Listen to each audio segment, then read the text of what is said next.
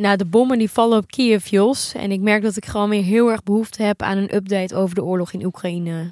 Ja, eh, we kunnen er ook niet echt omheen, denk ik. Zoals we vorige week niet om Iran heen konden, is dat nu met eh, hetgeen wat het wereldtoneel elke dag bezighoudt. Het lijkt ook een soort nieuwe fase waarin de oorlog van Rusland tegen Oekraïne is ehm, beland. En natuurlijk de dreiging van een kernoorlog die altijd nog niet weg is. Oh, doodeng. Nou, dus ehm, laten we het doen. Dit is de Ver van je bed show, de geopolitieke podcast die je wel kunt volgen. Van Trust tot Bolsonaro en van Guantanamo Bay tot de oorlog in Oekraïne. Wij, Suzanne Jugel en Jos de Groot, bespreken iedere week met een topgast de ontwikkelingen in de wereld. En we praten over onderwerpen waarvan wij denken, hier moet jij meer over weten. Suzanne, ehm, dat geldt vandaag zeker, want onze luisteraar moet meer weten over die oorlog in Oekraïne. Kunnen er niet omheen. Iets heel anders. Jij bent weer eens je stem kwijt. Ja, zo kut. Ja, dat hoor je dit keer echt veel beter dan de vorige keer. Ja, ik denk dat ik mijn stembanden heb kapot gehoest van al het Ja. ziek zijn van het afgelopen half, half jaar. Ik ben daar best wel unfortunate in geweest. Maar ik begon een beetje te hoesten en direct was mijn stem weg. Maar ik heb het ook gewoon heel druk gehad. Ik heb eh, helaas niet heel veel in de kroeg gezeten of zo, maar wel... Zou je dan denken en hopen dat het Ja, komt? ik heb een is, benefiet eh, eh, gepresenteerd over Oekraïne. Ik ben echt ook op de Dam geweest voor eh, de vrouwen in Iran. En druk op werk en gewoon daarbuiten. Dus nou ja, en 1 en 1 is 2. En in één keer was mijn stem weg. Toen dacht ik, nee. eh, onhandig als podcast-host. Ik heb tenminste stem. Gisteren had ik echt geen stem. nee, dat is ook weer zo. Ja. Jij hebt een eh, eh, bijzondere week gehad, want je hebt eh, CNN-journalist Clarissa Ward mogen ontmoeten. Want Ja. jij doet college tour natuurlijk. Ja, zeker. Ja, zoals onze vaste luisteraar weet, werk ik voor het tv-programma College Tour. En ehm, wij hebben deze week een opname gemaakt met, zoals dat dan zo netjes heet, Chief International Correspondent voor CNN, Clarissa Ward. Oh, ik hou van haar. Ja, ik denk dat, dat je, je- mensen haar vooral ook in Nederland hebben leren kennen, omdat zij tijdens de val van Kabul heel veel in beeld was. Ja. Toen daar eh, alles na- naar de galamiezen ging, stond zij midden in de ellende verslag te doen. Ehm ze is in alle eh, helle gaten ter wereld is zij geweest, he- geweest, heeft zij verslag gedaan. En het was heel inspirerend om, om, eh, om van haar te horen. Ehm, ze kan er ook echt fantastisch over vertellen. En zondag is dat allemaal te zien op NPO 2 eh, om half negen eh, Nice. s avonds. Heel benieuwd. Dus gaat dat doen. Overigens, twee dagen na onze eh, opname vloog zij, ehm, ja, misschien kun je ook niet anders als oorlogscorrespondent, naar Kiev. Want dat is natuurlijk waar het nu gebeurt. Ja, nou goed dat je daar, daarover begint, want daar gaan we het vandaag ook over hebben. Want wij voelden allebei heel erg de behoefte met alles wat er op dit moment gaande is, om toch weer even een update te doen. Want ik heb het gevoel dat we in een soort nieuwe fase zijn aanbeland Ja. in de oorlog. Ik merk ook dat ik alle analyses weer helemaal aan het lezen ben. Ehm, maar ik denk dat het goed is om even op een rij te zetten Ja. wat er de afgelopen tijd is gebeurd. Jos, vertel. Ja, ja bij, bij gebrek aan stem zal, van jou zal ik een, zal ik een kleine spreekbeurt geven. Nee. Dat, dat valt mee. Nee, eh, ja, inderdaad, een, een kleine tijdlijn even van de afgelopen periode. Hè. Eh, het, het is nu dinsdag 18 oktober. Op 21 september, dat was een belangrijk moment om even te noemen, eh, kondigde Poetin algehele militaire mobilisatie aan. Dat betekende, we gaan mannen oproepen om te gaan vechten. Zo simpel als dat. Eerst zou het alleen gaan om eh, reservisten, mensen die alles hadden gediend, maar al heel gauw bleek. eh, ze roepen iedereen op die een wapen kan, eh, kan vasthouden. De daklozen werden van de straat getrokken in Moskou. Ehm, eh, ook mensen met een slechte gezondheid werden opge- opgeroepen. En wat dat eigenlijk zegt is, voor Rusland is deze oorlog nog niet voorbij, want zie hier, we hebben nieuwe manschappen. Ehm, belangrijk moment om te markeren, ook omdat ehm, veel Russen het land ontvluchten uit, uit angst gemobiliseerd te worden en ook uit dus weerwil om te gaan vechten. Dat is dat. Sterker, eh, wat, wat er vervolgens eh, gebeurde op 30 september, ehm, ook een belangrijk moment. Rusland annexeert oostelijke gebieden van Oekraïne. Dat ging om de eh, regio's Luhansk, Donetsk, Zaporizhia en Gerson.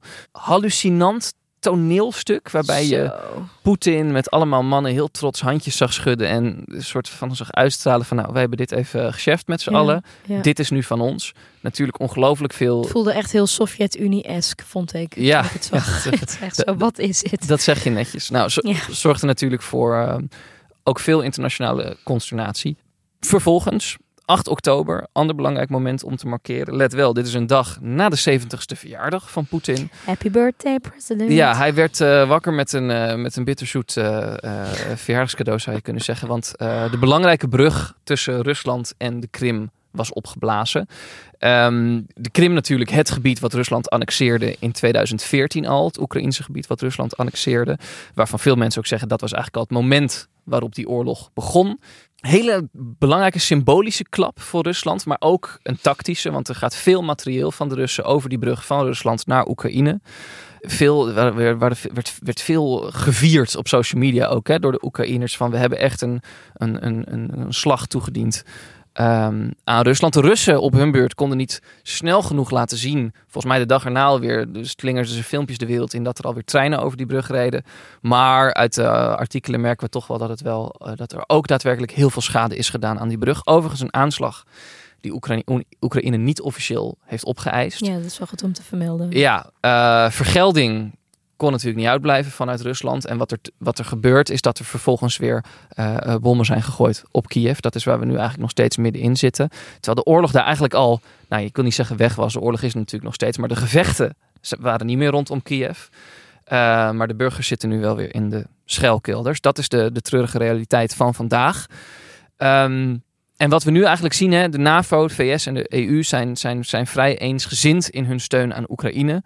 Um, en de dreiging van kernwapens vanuit Rusland, ja, die blijft boven de markt hangen. Yeah. Poetin lijkt misschien te willen praten. Nou, of je dat moet willen, of dat uh, kan vanuit EU-kant. Dat zijn allemaal vragen die wij vandaag uh, willen gaan uh, beantwoorden. En yes. we hebben twee hele mooie gasten. Je hoort het al, niet één, maar twee gasten. Een historisch want... moment in de Vervibet Show. we hebben Hubert Smeets de gast. Hij is historicus, ja. journalist, is zelf ook correspondent geweest. begin jaren negentig in Rusland. Uh, en we hebben vanuit Moskou Iris de Graaf die we ja. uh, in gaan bellen. Uh, en daar heb ik gewoon heel veel zin in om die twee te spreken. Omdat we echt een heel erg breed perspectief neer kunnen zetten vandaag. Ja, en bijzonder dat Iris even tijd voor ons wil, wil maken. Um, samen met Hubert en Iris dus gaan wij in deze aflevering antwoord geven op ja, de vragen van dit moment. Waar staan we nu in die oorlog van Rusland tegen Oekraïne? Um, doen de EU en de NAVO genoeg? En ja, misschien wel het allerbelangrijkste, wat moet er gebeuren om nucleaire, nucleaire escalatie te voorkomen?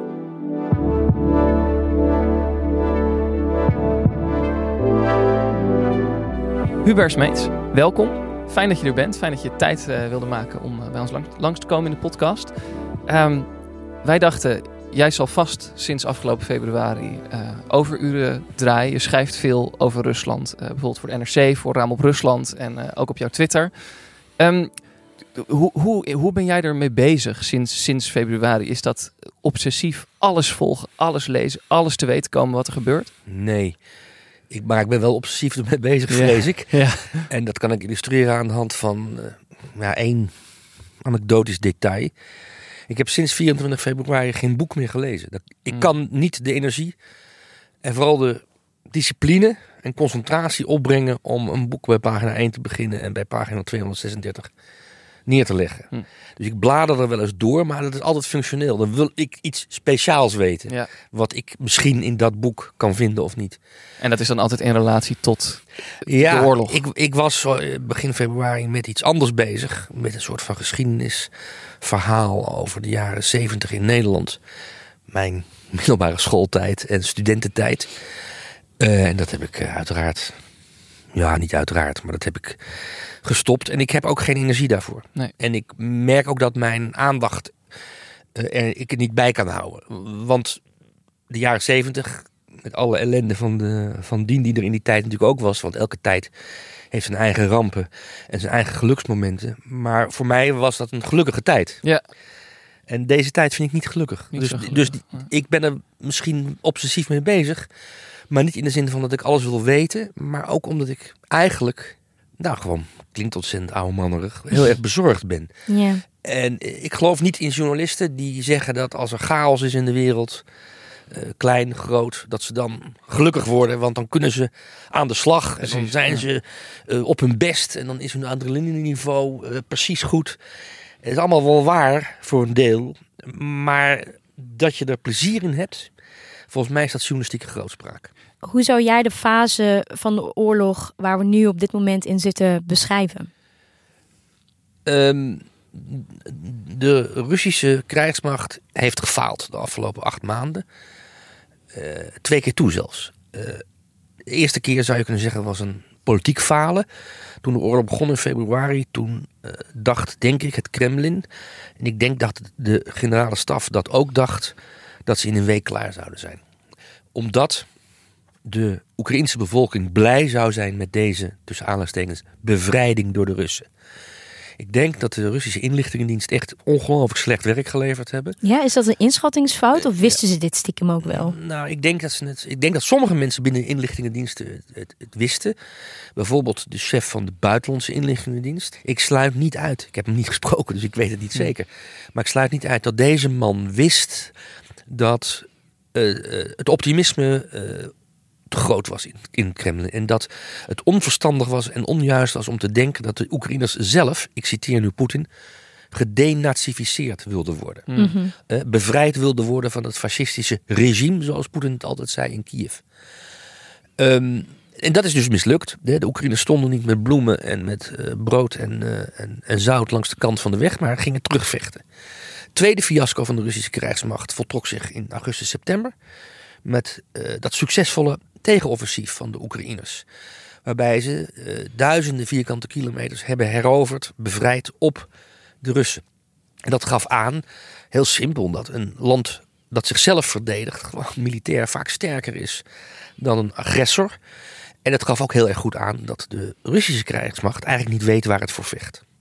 En nu zitten we in de derde fase. En dat is de fase die misschien wel het gevaarlijkste is, omdat de Russische regering onder leiding van Poetin nu een vernietigingsoorlog, een terreurbombardementenoorlog tegen Oekraïne is begonnen met drones die veel minder specifiek zijn dan uh, het hoogwaardige uh, rakettenvuur wat ze eerder inzetten op burgerdoelen. Kamikaze drones worden ze genoemd. Ja, toch? nou ja, dat, dat woord dat, dat neem ik liever niet over, want in, in die drones zitten geen mensen, dus Nee. er kan nog niemand Nee, doodgaan. daar heb je ook een gelijk. Maar, maar die drones, die, de Amerikanen hebben die dingen ook gebruikt, Ja. hè, veel in het Midden-Oosten. Dus het is in Afghanistan. Dus we- het is, het is op zich geen, nieuw in, geen, nieuwe, ehm, geen nieuw wapen, maar zoals het nu wordt ingezet de afgelopen weken.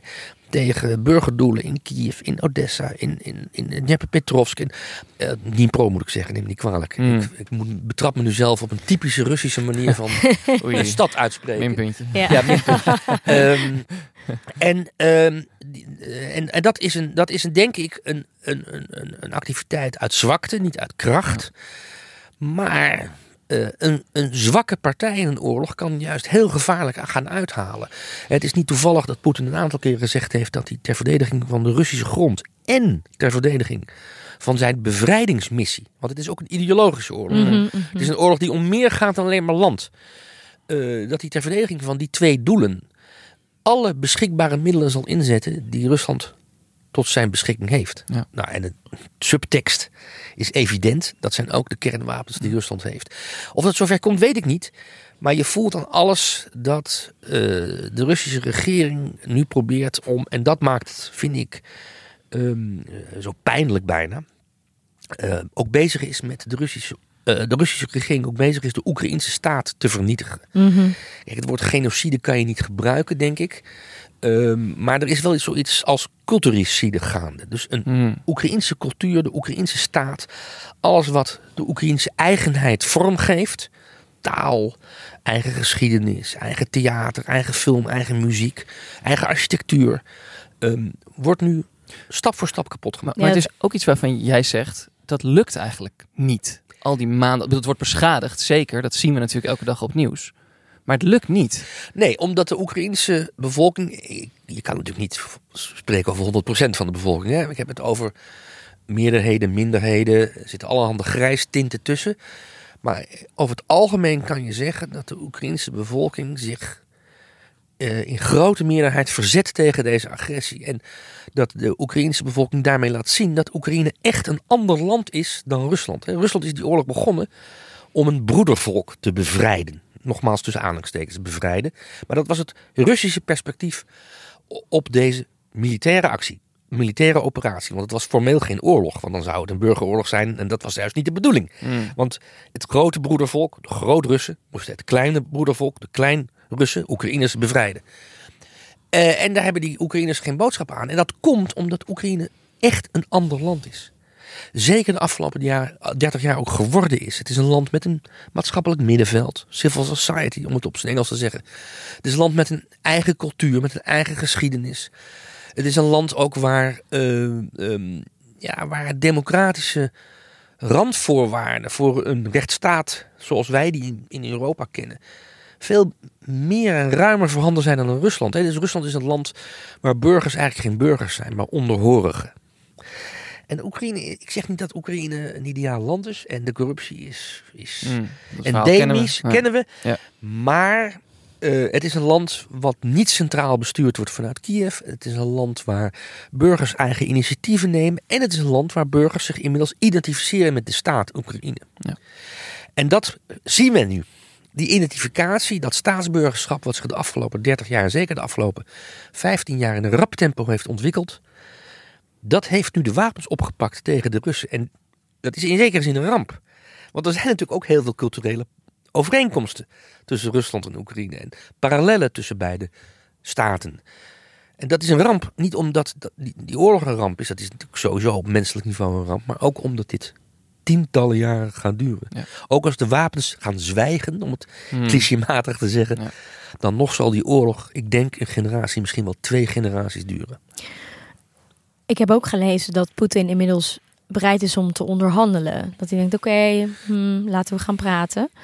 Is dat überhaupt een optie? Of vind je dat de VS en de EU gewoon moeten doorgaan met het steunen van Oekraïne en ze gewoon flink moeten bewapenen? Nou, Poetin zegt dat hij wil onderhandelen, maar hij zegt er mhm. altijd meteen na de komma iets bij. Wat zegt hij er dit keer bij? Namelijk op basis van onze voorwaarden. Mhm. En onze voorwaarden, de meest recente voorwaarden van Poetin is dat de quasi-referenda die er zijn geweest in Luhansk, Donetsk, Zaporizhia en Gerson, dat die erkend moeten worden, de uitslag daarvan, door de onderhandelingspartijen, dus door Kiev. Dat gaat nooit gebeuren. Dat is natuurlijk een eis die je. Uh, dan, dan wil je niet serieus onderhandelen. Als je uh, een uh, serie referenda waarvan slechts vijf landen in de Verenigde, in de Verenigde Naties hebben gezegd dat, ze, dat ze de uitslag erkennen. Noord-Korea, Syrië, Belarus, Rusland zelf en inmiddels Nicaragua. Eritrea is afgevallen, andere bondgenoot van Rusland. Als je dat als eis op tafel legt voor het begin van onderhandelingen, dan wil je niet serieus onderhandelen. Het feit dat hij dat zegt, heeft wel, Poetin, heeft wel een reden hij voelt wel dat er heel veel dingen fout gaan. Moet Europa nu de Oekraïnse regering onder druk zetten om te gaan onderhandelen? Ik denk dat uh, de Oekraïnse regering zich niet meer zo onder druk laat zetten. De Oekraïnse regering heeft natuurlijk veel grote problemen nog altijd. Uh, recent luchtafweer is echt onder de maat om die drones van, uh, van Iraanse makelij die de Russen nu gebruiken, om die uit de lucht te schieten. Dat is zeker waar. Maar de Oekraïnse regering heeft de afgelopen acht maanden ook laten zien dat, het, dat ze heel erg, wat zal ik zeggen, zelfbewust en ook heel rationeel opereert. Ehm, dat is één. Twee, ik denk dat de Europese landen en ook zeker de Verenigde Staten zich heel goed realiseren dat er de afgelopen acht maanden zoveel gebeurd is. Dat je niet meer zomaar kan zeggen tegen de regering in Kiev: jongens, uh, verbijt je pijn uh, en je wrok. Oekraïne zegt ook heel duidelijk, onze, onze eis is heel duidelijk, ze moeten van ons grondgebied af. Ja. Anders geen onderhandeling, is misschien ook een beetje spierballentaal, maar dat is natuurlijk wat we al heel lang horen. Ja, maar goed, dat is ook een beetje politiek. Ja. Hè? Um, want ik denk dat als er, als er onderhandelingen zouden zijn waarbij de Krim een beetje buiten haakjes zou worden geplaatst, of de oorspronkelijke volksrepublieken die separatistische republiekjes in het mm. oosten van het land, Donetsk en Luhansk, ook een beetje buiten haakjes zouden worden geplaatst. Dus dat we terug zouden gaan naar de situatie van 23 februari 2022. Dat er best in Kiev uh, politici zijn die daar oren naar zouden hebben, maar het openlijk zeggen en het zelf ook initiëren. Dat is politiek ondenkbaar op dit moment in Rusland na deze acht maanden. Ik bedoel, wat ik al zei, er is sprake van een vernietigingsoorlog van de Russische zijde, culturicide. Ehm, dat is niet iets wat je van de ene op de andere dag terzijde schuift. Omdat je een wapenstilstand wil. denk je dat er uh, in de omgeving van Poetin. Ehm, kijk, de, de, olifant in de kamer, dat, dat zijn die kernwapens. Dat, het, het, onderwerp wat iedereen ter wereld misschien wel uh, bezighoudt. Denk je dat er mensen in zijn directe politieke adviesomgeving zijn die hem daarvan zouden kunnen weerhouden? Of is het dat totaal onduidelijk? Ja, dat denk ik zeker. Mm. En voor zover we weten, is er in, eh, in Rusland sprake van een drievoudige sleutel. Dus er moeten drie mensen op de knop drukken voordat zo'n tactisch of, nu, of hij de strategisch lucht in gaat. Dat zijn de, de, commandant der strijdkrachten. Dat is nu nog Gerasimov. Die zit Mhm. er al jaren. Dus dat is een man met een lange staat van dienst. Dat is de minister van Defensie, Shoigu. En de president zelf, Poetin. En ik denk dat in de militaire kring er zeer veel mensen zullen zijn die, eh, die, die zeggen: doe dat nou niet, want het is zelfvernietiging. Eh, heb, meneer de president, hebt u ook de film De Untergang gezien? hè, over de laatste dagen van Hitler? Zo ja, hè, eh, die kant moeten wij niet op Nee. in Rusland. Ik denk dat die er zeker zijn. Eh, maar de keerzijde is, om het niet al te optimistisch te maken. Ik wou zeggen, ik word toch voor Ja. voorzichtig gerustgesteld, ja, ja. maar dat kwam er maar. De keerzijde is dat eh, in de Russische militaire geschiedenis en in de Russische militair- militaire doctrine het gebruik van tactische kernwapens, dus dat is de haven van Odessa raken, Ja. of eh, nog ogenschijnlijk minder erg iets in de Zwarte Zee tot ontploffing laten brengen om te laten zien van wij beheersen de Zwarte Zee en niet jullie Turken, Roemenen, O- Oekraïners eh, en Georgiërs. Eh, dat, dat die manier van denken, tactische kernwapens, dus niet strategische kernwapens, hè, die alles vernietigen in de hele wereld, Nee. maar het- de kleinere inzet, dat is, een, eh, dat is in, de Russische, in het Russische denken altijd getraind. Ja. Als overschrijd je er wel alsnog een internationale grens mee natuurlijk, als je Nee, gaat inzetten. En, Ja. en zeker, en dat kan gaan leiden tot een escalatie Ja. en uiteindelijk tot de inzet van strategische kernwapens. Maar de Russische krijgsmacht, net als de Sovjet-krijgsmacht, toen de Sovjet-Unie nog bestond, is getraind in een tactische kernoorlog. Daarom zijn ook die tanks vrij licht. Dan, ze moeten namelijk snel kunnen manoeuvreren Ja. om onder de wolken door, zeg maar, eh, een veilig heenkomen te zoeken of juist hun doelen te bereiken. Eh, en dat maakt het wel weer zorgwekkend. Het is niet eh, dat onderscheid tussen tactische kernwapen inzet en strategische kernwapen inzet in Rusland is vrij groot. En dat maakt de drempel voor de tactische kernwapen lager. Ja. Maar nogmaals, ik ben geen militair deskundige. Dus het kan zijn dat ik allerhande dingen nu over het hoofd zie. Nou, het was, ik vond het een heldere uitleg. Ik vond het ook heel helder. Eh, laten we schakelen naar Iris de Graaf. Ja, we gaan even naar Rusland. In Moskou zit. Laten we haar even bellen. Zeker. Nou, dat horen we toch? Hey, goedemorgen. Hey, hallo. Goedemorgen. Nou, Iris, wat fijn dat je tijd voor ons kan maken. Echt ontzettend eh, Ja, bedankt. We zijn Eh, vereerd eh, je bij ons te hebben vanuit Moskou. Zeker. ik denk dat de, dat de allereerste vraag die wij hebben, die ook wel het belangrijkste is, eh, is hoe gaat het met je? Ja, het gaat eigenlijk wel oké. Het is hier in Rusland natuurlijk qua nieuws echt een constante soort wasstraat. Zoals mijn collega Tim de Wit dat altijd zo mooi zegt. Die wordt helemaal uitgewrongen. Eh, en sinds februari is al het nieuws natuurlijk heel zwaar, heel verdrietig. En het houdt ook maar niet op. Ehm, en onze wereld, zowel in Oekraïne natuurlijk, maar ook hier in Rusland, is sinds februari eigenlijk ingestort. Hè? Onze dromen, toekomstplannen, sociale leven is eigenlijk helemaal weg. Maar door die, eh, ja, door die ergste heartbreak ben ik eigenlijk inmiddels heen. En ik probeer nu iets meer emotionele afstand te houden. En eh, ik probeer me te focussen op werk vooral. Ja, want wat ik zo mooi vind in het begin van je correspondentschap, ook op social media, kon je, liet jij heel erg het gewone leven zien in Moskou. Waardoor ik dacht, oh, wat, wat, wat leuk eigenlijk. Dit is een kant die ik nog niet vaak heb gezien. En dat kon ik heel erg waarderen. Is daar nog iets van over?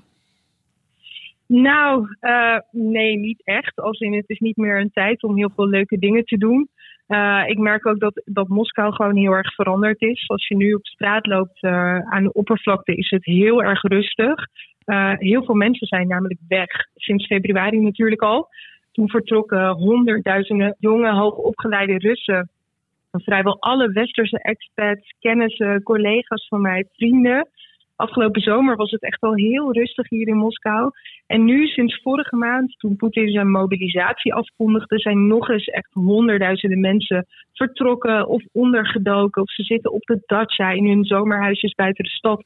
Dus dat merk je echt. Je merkt ook dat hier een soort nieuwe realiteit is ontstaan eigenlijk in Moskou of in heel Rusland sinds die mobilisatie is afgekondigd. Want sindsdien zijn voor veel Russen de ogen geopend. Hè. Maandenlang keken ze vooral op televisie naar alles wat er gebeurt.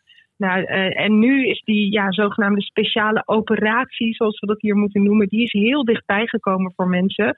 Dus mensen zijn verdrietig, depressief, antidepressiva verkoop is enorm gestegen hier. Zo. Psychologen draaien over uren.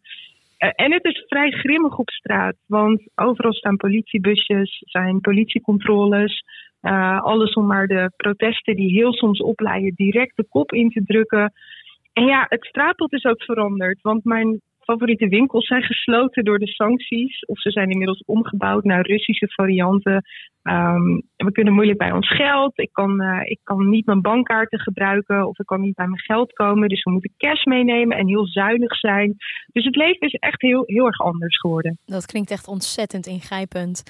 Oh. Um, we hadden in een van je repo's gezien toen je een vrouw interviewde dat ze werd meegenomen. Nou, dat is toen ook uitgebreid besproken overal. Heel surrealistisch natuurlijk. Maar hoe is dat voor jou nu om. Hè, want jij wil ook graag de gewone rust spreken. Maar in hoeverre kun je de gewone rust spreken als uh, ze misschien een sociaal wenselijk antwoord geven. Of wellicht uh, in de problemen komen. Ja, hoe onderscheid je dat? Hè? Of ze of ze antwoord geven op jouw vraag, of dat ze inderdaad een, een, een wenselijk antwoord geven om niet in de mhm. problemen te komen. Ja. Ja, ik, ik denk dat het een beetje uh, westers wensdenken is dat elke Rus uh, hier tegen Poetin zou zijn of niet achter die, uh, nou ja, die Russische activiteit in Oekraïne staat. Dat is niet het geval. Wat ik op straat merk is dat het een beetje 50-50 lijkt te zijn. De meeste mensen die willen gewoon niet met mij praten. Die zijn dan of tegen en bang voor de gevolgen. Of ze willen gewoon simpelweg helemaal niets te maken hebben met wat er gebeurt. Uh, de mensen die vaak wel willen praten, dat zijn meestal uitgesproken voorstanders. En die praten heel vrij uit. En je merkt eigenlijk dat ze precies de staatstelevisie napraten. Dus mm. ja, het Westen voert een hybride oorlog met Rusland via Oekraïne. Uh, de nazi's daar vermoorden Russisch-talige. Poetin redt die mensen. Hij had geen keus meer. Ja, echt dat, dat beeld. En die mensen zijn niet bang dat ze in de problemen komen, maar die zijn letterlijk overtuigd van dit wereldbeeld dat ze al jarenlang te zien en te horen krijgen. Op televisie, maar ook in hun familie, op werk. En er zijn nog steeds ook tegenstanders van alles die dat nog steeds durven te zeggen en die dat ook belangrijk vinden. Maar het worden er wel steeds minder, want de meeste mensen die tegen zijn, maar ook activisten, oppositie, die zitten of vast of ze zijn naar het buitenland gevlucht. Um, ja, dus echt honderdduizenden mensen die hoor je niet meer op straat hier. Uh, en er is ook wel een groot verschil, moet ik zeggen. Want in Moskou en Sint-Petersburg zijn de mensen vaak iets meer genuanceerd in wat ze zeggen, ook tegen ons. Maar hoe verder je uit de grote steden weggaat, hoe geïsoleerder mensen leven met een hele eenzijdige propaganda-wereldbeeld. En daar merk je echt heel veel steun voor Poetin. En um, wij zitten hier met, met Hubert Smeets. Uh, jaren geleden alweer ging hij jou voor als correspondent um, in, in Moskou. Hubert, hoe, hoe luister jij naar de manier waarop Iris nu haar werk doet daar? Nou, dat is onvergelijkbaar met mijn tijd. Mm. Ik zat er tussen 1990 en 1994 en dat was met al het cynisme wat de Russische cultuur en zeker de politieke cultuur eigen is, toch een redelijk naïef enthousiaste tijd. Hmm. Men zag vooruitgang. Men hoopte dat het westerse consumptiepatroon in Rusland ook uh, zou kunnen worden gerealiseerd na een paar simpele ingrepen. Dat laatste was een misverstand. Maar er was een soort van perspectief, toekomstgerichtheid. En wat ik nu begrijp is dat eigenlijk iedereen zich in zichzelf opsluit. Um, en dat wereldbeeld wat Iris nu beschrijft van Russische burgers, uh, zeker buiten de grote steden, eh, dat Russische wereld, dat, wereldbeeld was het 20, 30 jaar geleden ook wel. Maar dat was niet in het was niet, uh, er was geen oorlogsstemming tegenover het Westen. Hmm. Het Westen was nog een voorbeeld. Uh, de Verenigde Staten waren natuurlijk de, de, de, grote concurrent van, van Rusland. Maar tegelijkertijd ook het perspectief waar Russen naar streefden. De Duitsers, iedereen wilde leven zoals een Duitser. Met een open kadet voor de deur en een glas bier bij het eten. En dat is denk ik nu al anders. Ik denk, als ik eerst goed beluister, is, um, is er ook een soort van culturele autarkie hmm. zich aan het ontwikkelen in Rusland. Waarbij Rusland zich afsluit van uh, de invloeden die het 30 jaar geleden nog toeliet. Namelijk de Europese en de Amerikaanse invloeden. Herken jij dat, Iris? Ja, absoluut. Daar ben ik het helemaal mee eens. Ik, je merkt het ook hè, bij veel Russen. Ik merk het ook met Russen om mij heen. Veel mensen in het Westen vragen mij nu altijd: wanneer komen Russen nou in opstand hè, tegen Poetin? Wanneer willen ze nou iets anders en willen ze terug naar het Westen of willen ze verandering? En ik merk dat zelfs de mensen die ik hier in mijn omgeving spreek, die bijvoorbeeld tegen de oorlog zijn, die niet achter Poetin staan, zelfs zij hebben nu zoiets van: ja, Poetin heeft dat nu eenmaal besloten. Misschien zit er wel een kern van waarheid in dat het Westen ons kapot wil maken. Kijk maar naar de sancties. Hè. We kunnen er niks meer tegen doen. Laat Poetin dit maar gewoon afmaken en dan gaan we door met ons leven. En zij willen absoluut niet bijvoorbeeld iemand anders aan de macht of, of, of een terugkeer naar het Westen. Want voor hun betekent dat allemaal instabiliteit. Hè, dat het alleen nog maar erger kan worden. En heel veel mensen hier zijn nu bang dat als Poetin weg zou gaan, bijvoorbeeld, dat er een van zijn extreem nationalistische hardliners aan de macht komt in plaats van hem. En dat vrezen Russen nog meer dan Poetin en wat hij nu allemaal aan het doen is. Dus er is een soort gelaten acceptatie van alles. En ook inderdaad steeds minder uh, bewondering of, of kijken naar het Westen. Dat, dat, dat hoor ik steeds minder. Het klinkt echt als overleven voor mij. Een soort overlevingsmodus waar je in zit en denkt van nou ja, wat is het minst kwade? Nou laten we dat maar afwachten en hopen dat, ja, dat ons leven weer gewoon doorgaat zoals het eerst was. Ja, ook omdat je niet weet natuurlijk, zoals Iris ook schetst, wat het vooruitzicht anders is. Ja, ja, weet het gewoon niet. Ja, precies. Um, nou ja, we lezen natuurlijk over heel veel Russische desinformatie. Um, dit is een vraag voor jullie allebei eigenlijk. Hoe gaan jullie daarmee om? Als jullie bijvoorbeeld uh, berichtge aan berichtgeving doen of misschien dingen reposten. Hoe, um, hoe bewapenen jullie je daartegen? Kijk, ik denk dat we ons allebei dagelijks door die enorme brei van Russische staatstelevisie en ook social media heen moeten worstelen. Want zo voelt dat af en toe echt voor mij. Het is mentaal heel zwaar om constant te moeten luisteren naar die compleet andere realiteit. En ja, qua propaganda, kijk, je kan niet alles checken. Er circuleren dagelijks zoveel berichten of video's op social media aan beide kanten. Dat kan je niet allemaal factchecken, helemaal niet in je eentje, ook als je daar niet zelf bent. Maar je ontwikkelt er wel een soort gevoel voor. En ik ben zelf bijvoorbeeld heel erg voorzichtig met dingen delen die niet onafhankelijk bevestigd zijn of die niet geverifieerd zijn. Soms kan het niet anders en moet je over iets berichten, maar dan geef ik er wel elke keer een soort disclaimer bij van hier wordt het ontkend, uh, maar volgens die en die bronnen in het Westen of in Oekraïne zit het zus of zo. En ik denk dat dat een van de moeilijkste dingen is aan deze tijd, dat je niet veel dingen direct kan verifiëren. Ik probeer ook altijd goed na te denken wie heeft er belang bij hè, dat dit nieuws wordt gedeeld en waarom. Want aan beide kanten heeft men natuurlijk belangen, zowel Oekraïne als Rusland. Aan beide kanten heb je dus een vorm van propaganda, al is die aan de Russische kant natuurlijk echt extreem. Soms maakt dat het ook moeilijk om er hier normaal naar te blijven kijken, omdat je weet dat er zoveel niet klopt. Dat je er bijna standaard van uitgaat dat wat de Russische media zeggen niet klopt of verdraaid wordt. En daar probeer ik ook niet al te ja, star in te zijn, omdat er soms toch ook een soort nou ja, kern van waarheid in kan zitten. Of dat je er iets uit kan afleiden over een grote gebeurtenis. Dus ik probeer er wel naar te kijken met een hele kritische blik. Maar ik probeer het niet te negeren in elk geval. Nee. Ik weet niet hoe jij dat doet, Hubert. Nou, ik probeer iets minder naar Rusland te kijken. Ik, um, en iets meer naar Oekraïne te kijken. Dat komt omdat in mijn overtuiging um, onze fixatie op Rusland een beetje moet worden afgebouwd. Uh, in Nederland uh, is die oorlog die er nu gevoerd wordt, een oorlog van Rusland tegen Oekraïne, dat is zeker zo. Maar we hebben echt de neiging om daarmee uh, Rusland heel belangrijk te vinden en tot centrale partij te maken. En Oekraïne toch een beetje als een afgeleide partij. En volgens mij is het van groot belang dat de journalistiek in Nederland, niet in Moskou hier is, maar ik heb het over ons hier in Nederland, dat wij structureel en, en, en, en systematisch meer aandacht gaan geven aan ontwikkelingen in Oekraïne. Niet alleen aan het front, maar ook in de politiek en straks misschien hopelijk ook in de cultuur, et cetera. Dus ik, ik ben wat meer georiënteerd op de Oekraïense nieuwsbronnen. Um, Iris heeft helemaal gelijk, de Russische propaganda is, is soms werkelijk uh, hemeltergend, gaat alle perken te buiten. Dat maakt het soms ook makkelijker om ermee om te gaan. Want het is zo bespottelijk. wat er soms gezegd wordt vanuit, eh, vanuit Rusland. Dat het makkelijk is om er afstand van te nemen. De Oekraïense uh, berichtgeving en ook de Oekraïense oorlogspropaganda is superieur aan de Russische. Echt. Elke dag slaan ze minstens drie slagen waarmee ze uh, de Russische propaganda te kijk zetten. Maar dat superieur voor ons in Nederland. Ja. Voor mij, hier in Amsterdam. Maar dat betekent ook dat je er gevoeliger voor bent. Dus Ik kan me alle memes en grapjes over Ja, die, die, die opgeblazen brug herinneren bijvoorbeeld. Nou ja, je, Ja. er is altijd wel iets te lachen. ja. En, het, is, en het is niet van die, die, die tierische ernst eh, die je vaak in Rusland eh, in de propaganda ziet. Maar dat betekent ook dat je er gevoeliger voor bent. Dat je geneigd bent om het te delen, omdat het ook een beetje om te lachen is. En dat is wel lastig. Maar ik ben anders dan Iris natuurlijk geen verslaggever ter Nee. plekke. Ik Nee. ben ook niet dagelijks in de krant actief als analist. Dus ik kan me veel meer permitteren. Ehm, maar ik ben zeker de afgelopen acht maanden een aantal keren vreselijk het schip ingegaan. Ja. En dan moet je je excuses aanbieden en eh, proberen ervan te leren.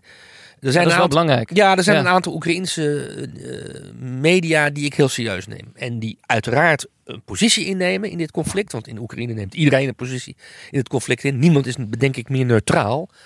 Ehm, maar als je dat ervan aftrekt, dan kom je toch vaak wel bij ja, een, een grote mate van feitelijke waarheid. Ik denk dan aan Zerkalo Nedjeli, een weekblad, eh, de Oekraïnske Pravda en eh, de Kiev Independent, een Engelstalige eh, website die eh, gemaakt wordt door voortreffelijke journalisten. En die zeker aan de anti-Russische kant staan, geen misverstand daarover, Ja.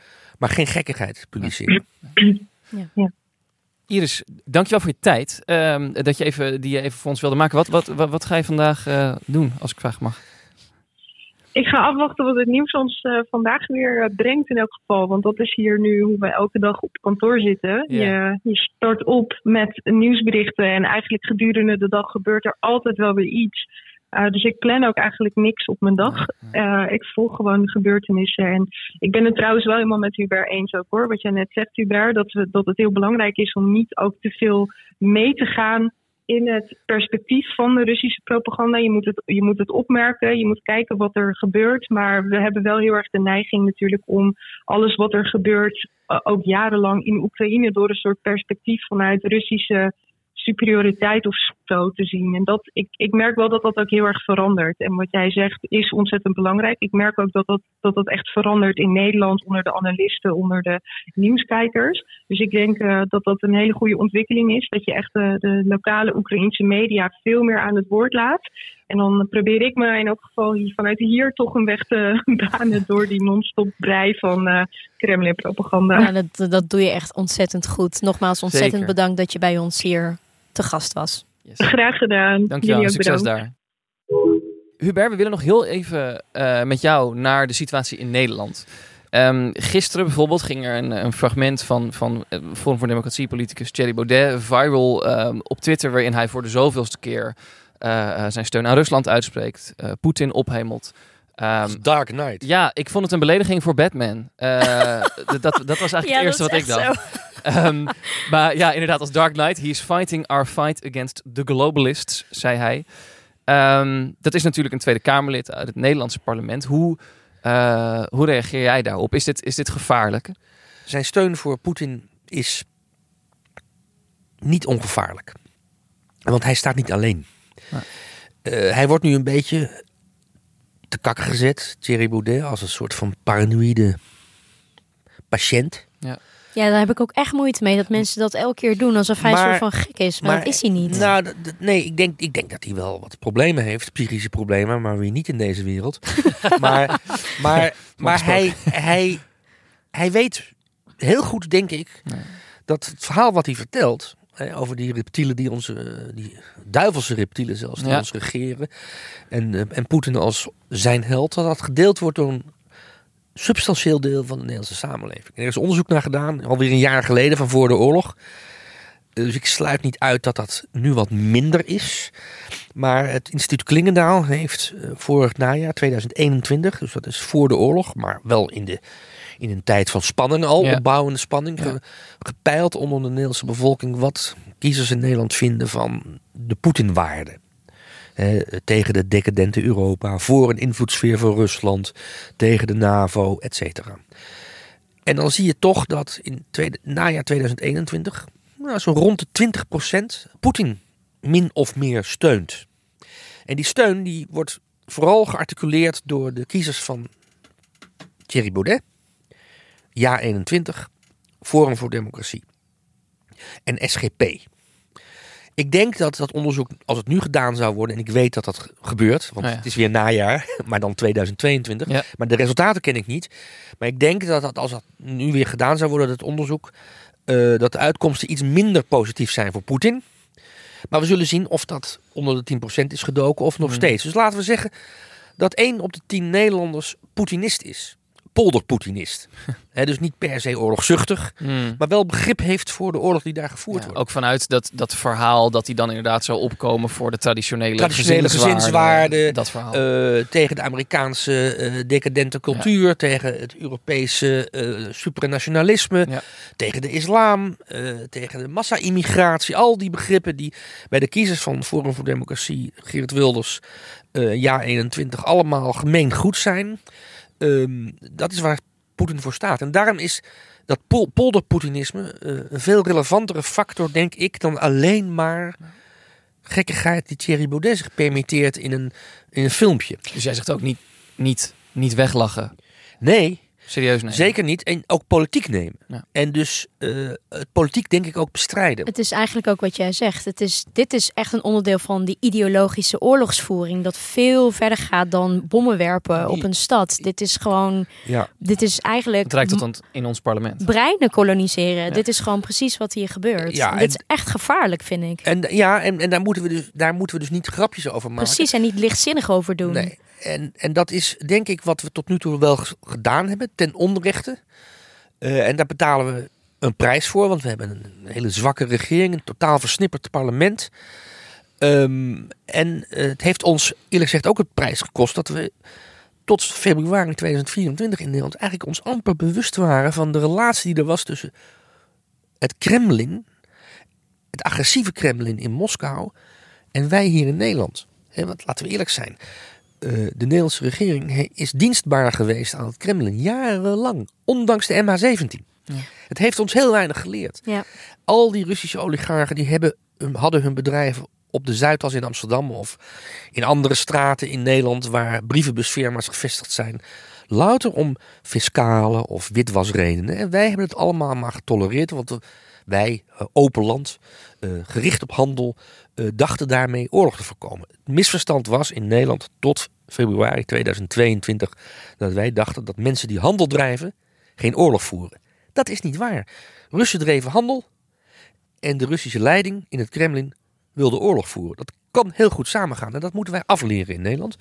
En dat is een enorme breuk met onze traditie. Laten we langzaam afronden. Ik kan nog uren naar je precies, luisteren, Ik, ik ook, maar we moeten echt afronden. Ehm, ik heb je gevraagd om een tip voor ons mee te nemen. Even heel kort, wat heb je voor ons meegenomen? Een, een leestip. Een leestip. Ja. Houden we van. Ja. Ja. ik zou de luisteraars eh, willen adviseren om zich te verdiepen in het werk van de Oekraïense historicus Serhii Ploghi. Zijn boeken over de ondergang van het Russische imperium is vertaald in Nederland. Zijn recente boek over de geschiedenis van Oekraïne aan de poorten van Europa is ook vertaald in het Nederlands. Het is een historicus die wij ten onrechte niet kennen in Nederland. Godzijdank komt daar nu een einde aan door die vertalingen van zijn boeken. Als je zijn boeken leest, dan krijg je ineens een heel ander beeld voor, van het conflict en de oorlog in Oost-Europa. Sergei Ploghi, ik weet niet of luisteraars de serie gezien hebben, Chernobyl. Mm, Een. HBO-serie. Eh, die serie is eigenlijk gebaseerd op een boek van deze Sergei Ploghi. Deze Oekraïense historicus die in Amerika werkt en woont. En zeer toegankelijk schrijft, eh, ook in het Nederlands nu vertaald. Overal te koop. 25 euro. Gaan we Mag in de de show notes zetten. Zet hem erin. Chernobyl overigens ook een eh, warme kijktip wat mij betreft. Zeker. Ehm, Hubert, dankjewel voor eh, je wijsheid, voor je, voor je duiding over dit, ehm, eh, nou, het onderwerp van deze tijd. Ehm, wij gaan afsluiten. Heb je vragen voor ons of eh, misschien wel een suggestie? Is er een land waar je meer over wil weten? Een verkiezing, een conflict dat wij niet mogen overslaan? Eh, laat het ons dan weten. We horen graag van je. Je kan ons bereiken via Twitter. Dat kan op onze handle @ver van je bedshow of via onze Instagram. Daar heten we @ver van je bedshow podcast. Ja, luister jij nou heel graag naar ons, dan help je ons door ons een review te geven in. Spotify en Podimo. Uh, geef ons even een duimpje omhoog of geef ons een 5-star review. Ja, Dan zijn we vijf sterren, niks minder. Ja, Dan, dan hoeft het niet. precies. Daar zijn we heel blij Ja. mee. Dus doe dat vooral. Doe dat. En eh, ja, verder alle tips die je natuurlijk eh, voorbij te horen komen in deze aflevering, die kun je ook weer netjes terugvinden in onze show notes. Wij zijn er volgende week weer met een nieuwe show, een mooi onderwerp en natuurlijk ook een hele mooie gast. Graag tot dan.